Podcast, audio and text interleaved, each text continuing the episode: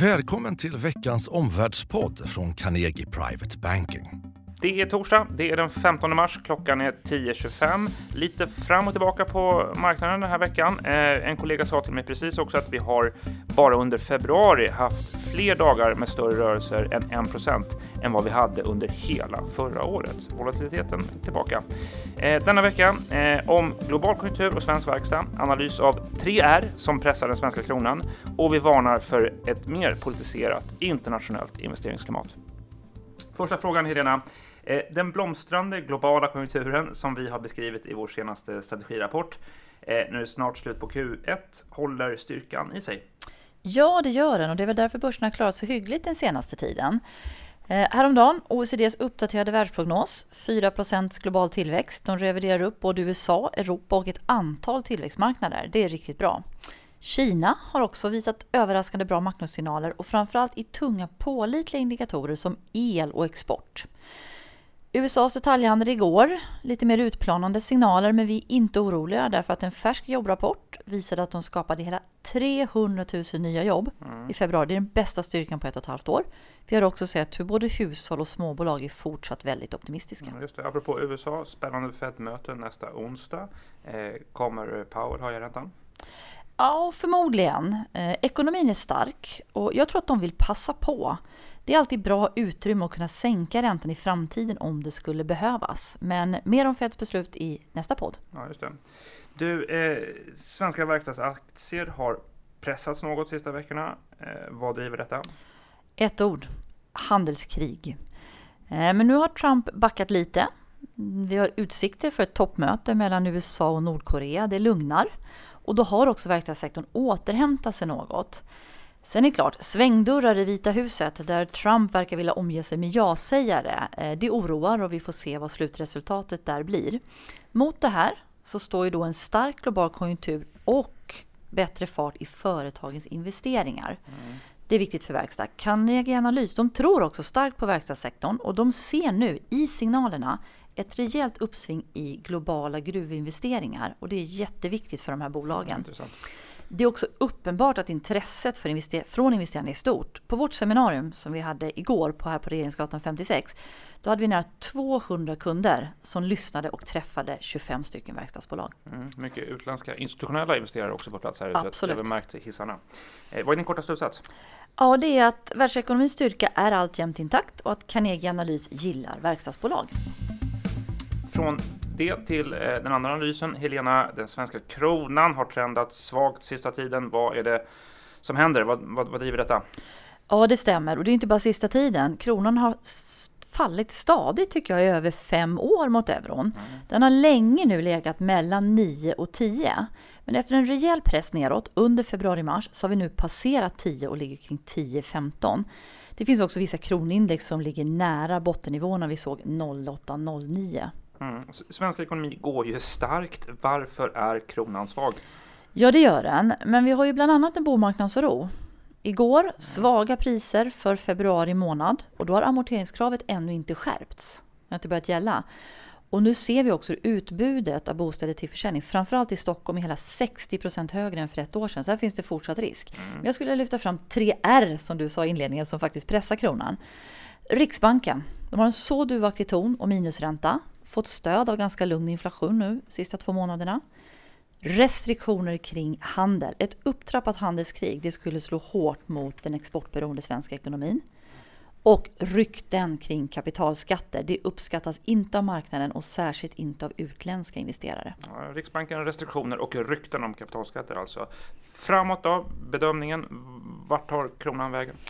Ja, jag skulle göra en skillnad. Mot dollarn så ligger kronan alltjämt i intervallet mellan 8 och 9 som vi har haft nu sista tre åren. Men mot euron, där kan faktiskt kronan fortsätta pressas. Vi har fokus på inflation, riksbank och bomarknad.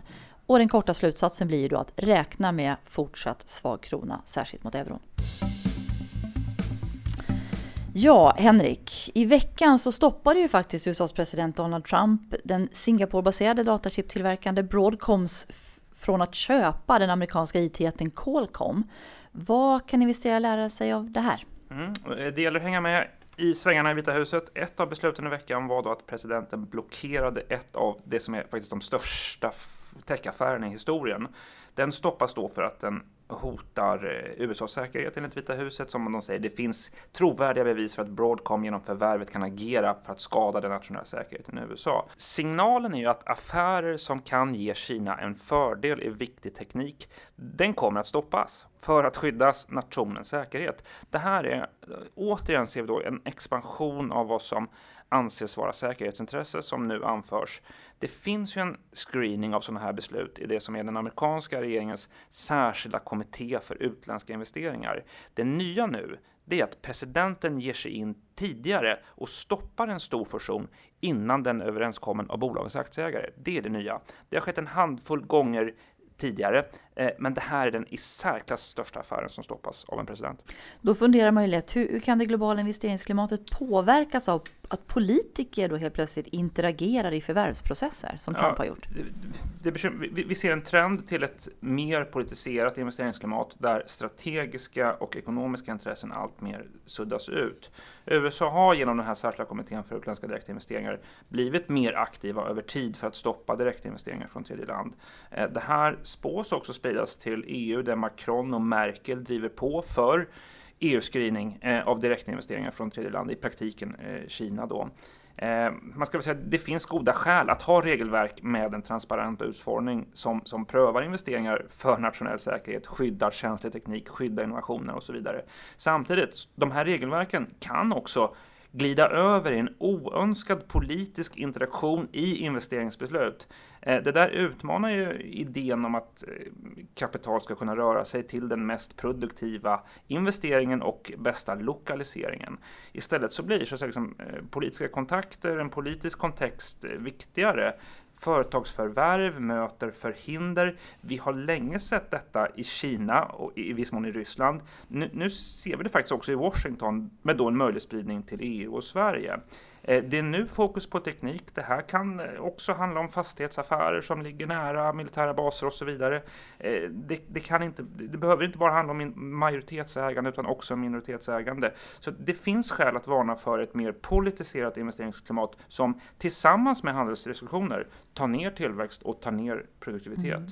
Och vad är den korta slutsatsen för investerare? Jag tycker investerare ska vara vaksamma för mer ma protektionism eh, Att kapitalförsörjningen politiseras eh, och att investeringsbeslut politiseras, det är negativt för global tillväxt. Ja, dagens tre slutsatser som vi tar med oss, det är 1. Trots tull och ro, global konjunkturstyrkan intakt, det är bra för vinster och verkstad. 2. Räkna med en fortsatt svag krona. Och tre, ma protektionism kan faktiskt hämma global tillväxt.